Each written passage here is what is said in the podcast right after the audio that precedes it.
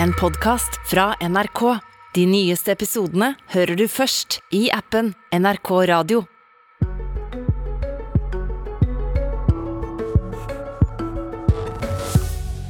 Oljefondet har aldri vært feitere, og høstens statsbudsjettforhandlinger faller ikke for freistinga ved å forsyne seg litt ekstra. Nå advarer oljefondsjef Nicolai Tangen om at sparegrisen vår brått kan krympe. God romjul og vel møtt til dette politiske romjulskvarteret, oljefondsjef Nicolai Tangen. Tusen takk. Vi er veldig glade for at du har stilt opp her hos oss, og spent på hva kan egentlig en oljefondsjef som ikke kan uttale seg politisk, egentlig snakke om i noe så politisk som Politisk kvarter? Ja, jeg kan jo snakke om oljefondet f.eks. Jeg kan snakke om eh, investeringer og hvordan vi jobber, og det er jo en del ting jeg kan snakke om. Som kanskje kan være nyttig også for politikere å høre? Det håper jeg. Det er godt og vel ett år siden du fikk jobben. Ehm, du er en veldig engasjert fyr, har vi lagt merke til. Hvordan er det å ha den jobben uten å kunne uttale seg så fritt som du kunne før? Jeg uttaler meg jo om eh, ganske mange ting som har med oljefondet å gjøre, og ting som er relevante for oljefondet. Det gjør jeg, og, eh, og da kan jeg si mye forskjellig. Så det er ikke noe sånn voldsomt stor overgang, egentlig. Og du har en ambisjon om at oljefondet skal bli åpnere? Ja, det tenker jeg er veldig viktig, og grunnen til det er det at vi ser at jo mer folk vet om oljefondet, jo mer tillit har de til oljefondet. Og Derfor er det viktig at vi, vi, forteller om hva vi driver med, at vi løfter frem personene som jobber der. Og det er selvfølgelig også viktig for å tiltrekke oss eh, flinke søkere til jobbene våre, og flinke studenter. Mm. Du, Vi skal snakke litt om hva du ser hvis du ser i krystallkula for fondet de neste åra, kanskje allerede neste år. Eh, vi skal snakke litt om ditt aldri stoppende engasjement for utdanning, men vi skal starte med klima. Vil du si at oljefondet skal være med på å redde verden og stanse klimaendringene? Vel, Det er vel ikke oljefondet som skal redde verden uh, alene. Uh, og Vårt uh, hovedmål er jo naturligvis å tjene penger. og Det er jo det som er det viktigste delen av mandatet vårt. Men vi skal gjøre det på en ansvarlig måte, og vi skal gjøre det ved å ta klima også med i betraktning. Og Vi har såkalte forventningsdokumenter som forteller hvordan vi forventer at selskapene skal oppføre seg, og det gjelder også hva vi mener de skal gjøre på klimasiden. Og Vi forventer at selskapene jobber mot eh, nullutslipp i 2050, og det er en klar forventning som vi har. Og Vi møter jo selskapene veldig ofte og snakker med dem om, om dette. Mm, men legger eh, oljefondet til grunn at verden når 1,5-gradersmålet, slik politikerne vil, eller må det tenke at analysen må være litt kjøligere og bredere enn det?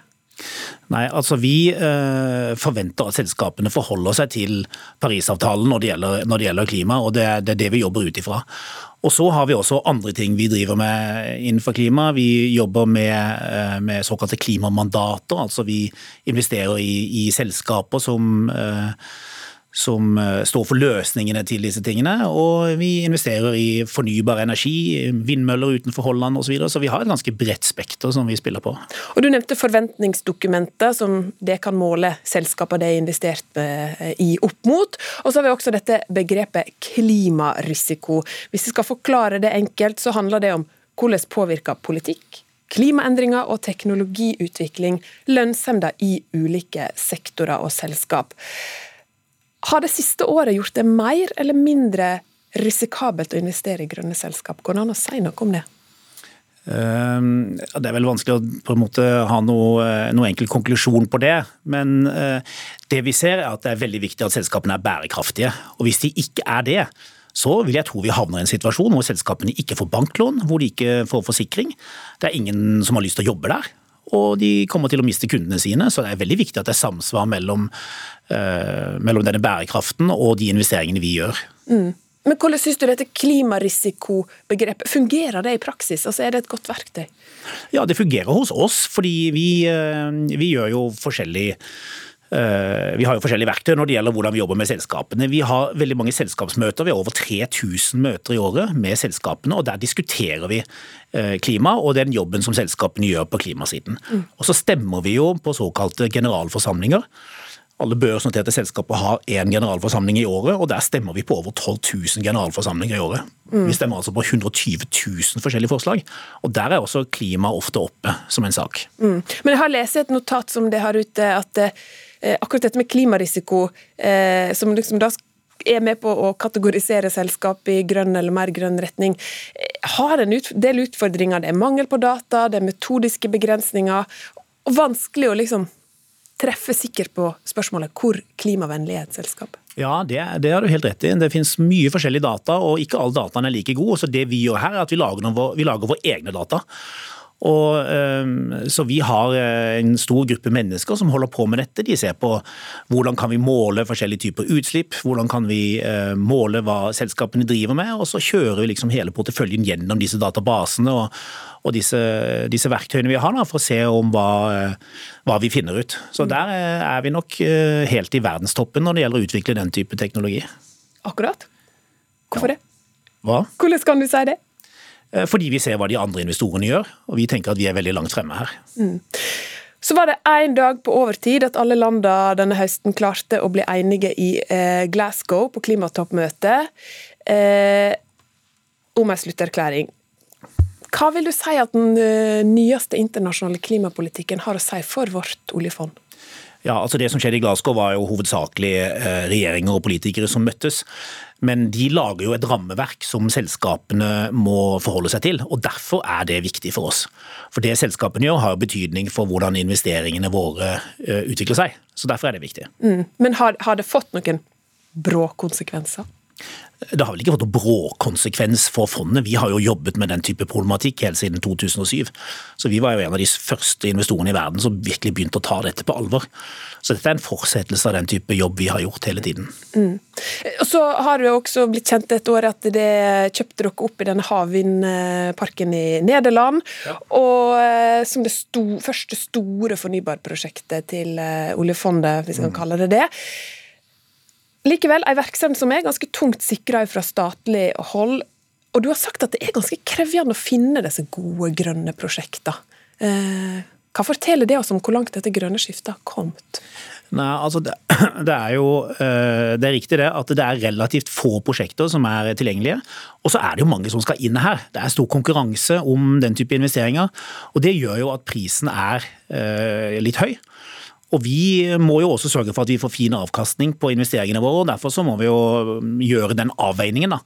Men vi tenker at den investeringen vi gjorde i Holland uh, var, var veldig fin. Det var relativt lav risiko fordi vi hadde garanterte strømpriser fremover. Og at det gir en fin diversifisering, altså en fin spredning på investeringene våre. og Derfor at det er viktig. Men også en illustrasjon kanskje på hvor komplekst dette grønne skiftet, det å finne eh, lønnsomme prosjekt, eh, hvor komplekst det er. Ja da, det er en kompleks sak. Du, eh, la oss eh, løfte blikket litt. Eh, vi er i, eh, for så vidt eh, midt i en pandemi. Eh, det har vært relativt euforisk på børsen. mange har tjent gode penger. Samtidig så er det folk som risikerer å miste jobbene sine, tap av inntekter i virksomhetene sine. Og mange peker mer og mer på et delt samfunn. Hva er ditt syn på pandemien og konsekvensene for økonomien framover? Ja, Det er jo et stort spørsmål. men du kan si Oljefondet er jo et generasjonsfond. Skal jo, vi skal jo ivareta verdiene for fremtidige generasjoner, men det er jo også et reservefond. Og Det gjør at vi har kunnet ta oss råd til ting som mange andre land ikke har kunnet gjøre. Og så Det har vært en, en veldig stor verdi å ha i denne krisen. Så har jo eh, pandemien påvirket oss på flere andre måter. Det er klart det har påvirket investeringene. Vi hadde jo en skarp nedgang i fjor, men har hatt en fin Eh, oppgang nå, altså en, en nedgang i fjor i, på våren, som så tok seg opp på, eh, senere på året. Og I år har det jo vært en, en, oppgang, men så har det selvfølgelig implikasjoner for hvordan vi jobber da, som selskap. Vi, jo, vi, jobber mye hjemmefra. Og det er jo en kompleks organisasjon. Vi har noe sånt som 36 millioner transaksjoner i året. Og dette er jo til dels gjort hjemme på kjøkkenbenkene. Så det er eh, mye kudos til de ansatte i oljefondet for at vi, de har kommet gjennom dette så fint. Men du har også sagt, du var inne på det, nå er fondet ja, vet jeg søren jeg, 12 000 millioner stort. Milliarder. Eh, milliarder. Eh, vi må bu oss på at det kan komme nedgang, og den kan komme brått, og den kan være bratt. Hva er det som ligger i den analysen, og hva er det du ser allerede i 2022 som kan tale for at det ja, ikke går like bratt oppover? Ja, Hva som skjer i 2022, det, det, vet jo ikke jeg. Men det som jo er et faktum, er at dette fondet har gått opp i 25 år nå. Nesten som en strek. Og når du ser tilbake på finanskrisen, så er det jo liksom bare som en liten dipp i, i den grafen. Og eh, det kommer jo ikke til å fortsette sånn de neste 25 årene. Og Grunnen til det er jo at nå er vi i en situasjon hvor rentene er rekordlave og hvor aksjemarkedet er rekordhøyt. Så herfra og ut så vil det nok se annerledes ut. Og det vi ser spesielt på, er jo øh, prisstigning, eller inflasjon. da. Og Den ser vi jo veldig mange steder, og den fører stort sett til at renten på sikt går opp. og Det er, kan være negativt både for obligasjonsmarkedet og aksjemarkedet samtidig. Og Det er en situasjon vi ikke har sett før. Og Vi har jo heller ikke sett at en sånn nedgang har vart lenge, for historisk sett. De siste 25 årene så har jo de nedgangene vært veldig korte. Så dette kan nok se annerledes ut fremover, og det er derfor vi maner til eh, ja, hva skal jeg si. Eh, det er derfor vi sier at det i fremtiden ikke nødvendigvis blir det samme som historien her. Litt forventningsavklaring til folket? Ja, det er vel egentlig det vi driver med her, ja. Men dette har jo du har sagt det, din forgjenger har sagt det, altså oljefondsjefer har sagt det før. Det kan gå nedover, og så skjer det jo aldri. Nei, men det skjer jo til slutt, da. Ja. ja. Det føler du deg sikker på? Jeg, jeg, er helt sikker på at, at, verdiene kommer til å gå nedover en periode. Det, sånn er det jo bare, og det vet jo alle som, som driver med investeringer. Ikke vel? At uh, etter mange gode år så kommer det noe, noen vanskelige år. Det skal man jo være oppmerksom på. Men opplever du at uh, dette trenger vi nordmenn å, å, å, skjønne litt mer? Altså At vi har vært godt vant i så mange år, at det er nok penger å ta av? Ja, men jeg tror egentlig at nordmenn skjønner det, faktisk. Nordmenn har uh, en eh, vidunderlig evne til å tåle litt opp og ned. Mm. Du eh, sa det innledningsvis, du engasjerer deg veldig når det gjelder utdanning. Seint og tidlig mm. så kan norske studenter ta kontakt med deg på sosiale medier, og ofte så svarer du deg direkte. Er Norge en god nok utdanningsnasjon? ja, altså Jeg er veldig opptatt av utdannelse, og det har jeg egentlig alltid vært. Jeg har jo eh, utdannet meg litt selv også, men, men og holdt på med dette i en stiftelse jeg hadde, som jo holdt mye på med å forstå utdannelse og sånn. Og um, dette er jo ikke noe jeg bare på en måte synes, men det er jo viktig for oljefondet at vi får godt utdannede mennesker. Og det jeg gjorde tidligere var at jeg spurte de som rekrutterer i oljefondet, hva er det vi ser på kandidatene? Hva er det de har? Hva er styrkene, hva er svakhetene, hva er det de mangler, liksom? Og gjorde meg opp et bilde av det. Og da så jeg jo at um, altså Konklusjonen min var jo egentlig at universitetene kanskje kunne fokusere enda mer på studentene. Fordi det er en del eh, ting som um, man får hovedsakelig gjennom å ha kontakt med professorer. Og det er motstandsdyktighet, det er evnen til kritisk tenking. Det er mange av disse viktige tingene som, uh, som man får på den måten. Det er det ene. Og det andre er jo at det er jo ikke alle studenter som er like uh, heldige og privilegerte, og som har foreldre som kan gi de gode råd om utdannelse og veien videre og sånn. Og det kan man også få gjennom uh, professorer. Så det har vært en sånn liten kjepphest for meg, da. Fikk litt svar fra professorene òg? Ja, men så må jeg også si at jeg er veldig god venn med, med, med rektoren på, på Handelshøyskolen. Og har jo spist frokost med han og hatt fine samtaler med han både før og etter. Men du tenker det å tenke først og fremst hva kan jeg gjøre for studentene for å ruste dem for framtida. Der må det inn et større fokus.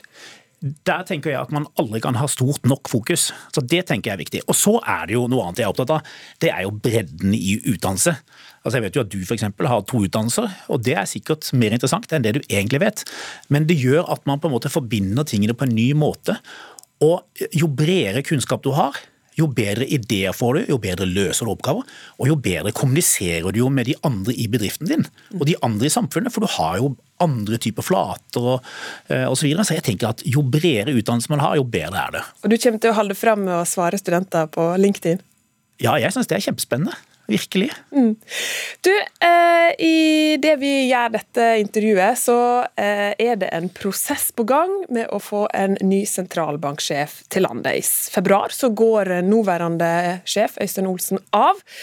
Og Vi vet ikke hvem som overtar, men vi har akkurat fått vite at det er to aktuelle søkere, Ida Wolden Bakke og Jens Stoltenberg. Det har vært sagt at det er viktig at nye sentralbanksjefen kan holde deg i øra. Hvem av de er best til det, tror du? Ja, altså, jeg har aldri skjønt det der med å holde meg i ørene. Hva er det liksom med ørene mine? Er det fordi de er fine eller stygge, eller hva er det liksom? Men uh, jeg tenker egentlig ikke at det er så veldig viktig, men, men uh, jeg har jo hatt gleden av å jobbe med Øystein Olsen, som er en fantastisk person. Og har hatt et veldig fint samarbeid med han, og det er jeg helt sikker på at jeg kommer til å få med den nye sjefen også. Det håper jeg i hvert fall. Takk skal du ha for at du tok turen innom Politisk kvarter, Nicolai Tangen. Tusen takk.